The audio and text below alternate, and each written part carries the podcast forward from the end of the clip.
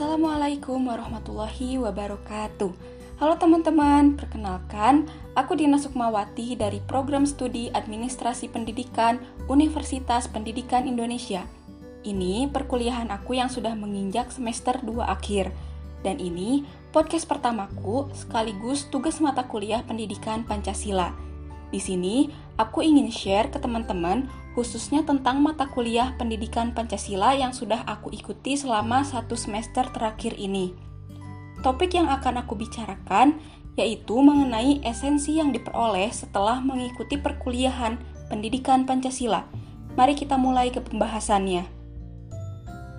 Sebelum aku berbicara lebih jauh mengenai topik yang akan aku bahas ini, aku mau menjelaskan dulu tentang apa sih mata kuliah pendidikan Pancasila itu apa sih urgensi dari mata kuliah pendidikan Pancasila dan kenapa pendidikan Pancasila ini penting untuk kita ikuti selama kita berkuliah.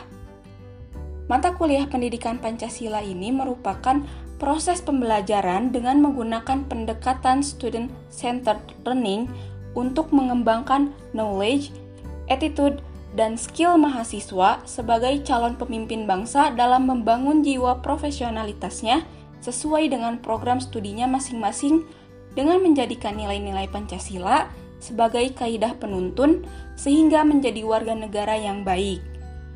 Apa sih urgensi dari pendidikan Pancasila itu? Ada dua urgensi dari pendidikan Pancasila.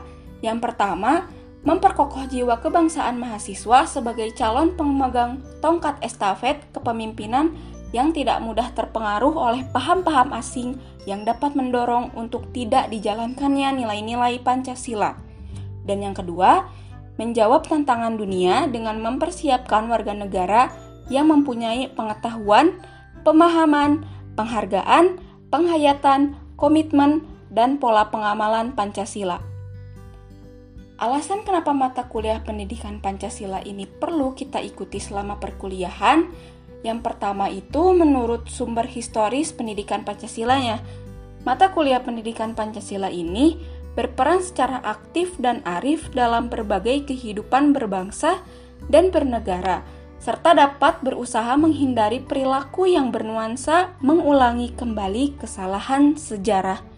Karena seperti apa yang Insinyur Soekarno pernah ucapkan, jangan sekali-sekali meninggalkan sejarah ada tiga tonggak sejarah perjuangan bangsa Indonesia.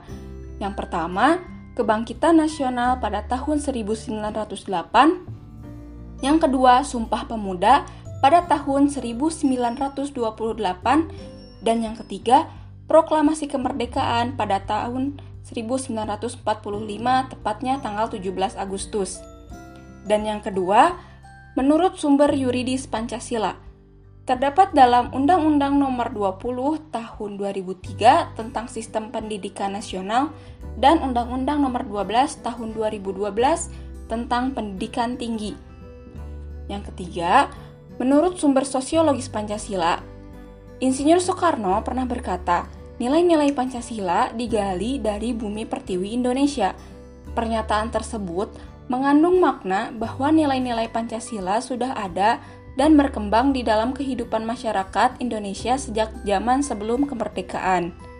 Artinya, bahwa nilai-nilai Pancasila sudah menjadi kebiasaan dan perilaku yang dilakukan masyarakat di bumi pertiwi ini. Namun, di era milenial ini, generasi muda sudah meninggalkan nilai-nilai Pancasila. Maka jelas bahwa pendidikan Pancasila merupakan wadah untuk membumikan kembali nilai-nilai Pancasila dalam tatanan kehidupan bangsa. Setelah kita tahu tentang pendidikan Pancasila, di sini kita akan langsung bahas ke topiknya. Jadi apa yang aku dapat selama mata kuliah pendidikan Pancasila ini pastinya banyak banget kan?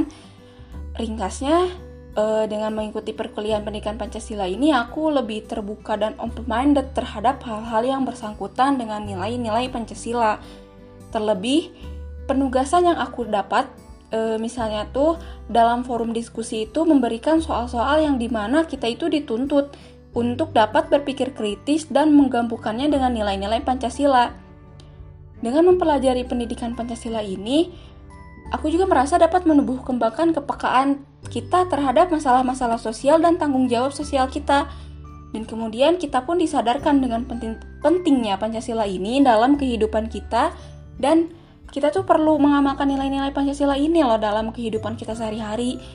Karena seperti yang kita tahu bahwa pada saat ini banyak sekali masyarakat Indonesia yang kurang respect dengan Pancasila. Padahal Pancasila ini merupakan bagian dari hidup masyarakat Indonesia dan juga merupakan ideologi bangsa. Banyak mas banyak masyarakat Indonesia yang sudah terpikirkan paham-paham dari luar sehingga mereka itu tertutup dengan paham-paham Pancasila.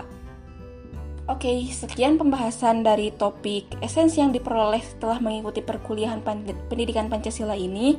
Terima kasih sudah meluangkan waktunya untuk mendengarkan podcast aku kali ini dan sampai jumpa di podcast berikutnya. Wassalamualaikum warahmatullahi wabarakatuh.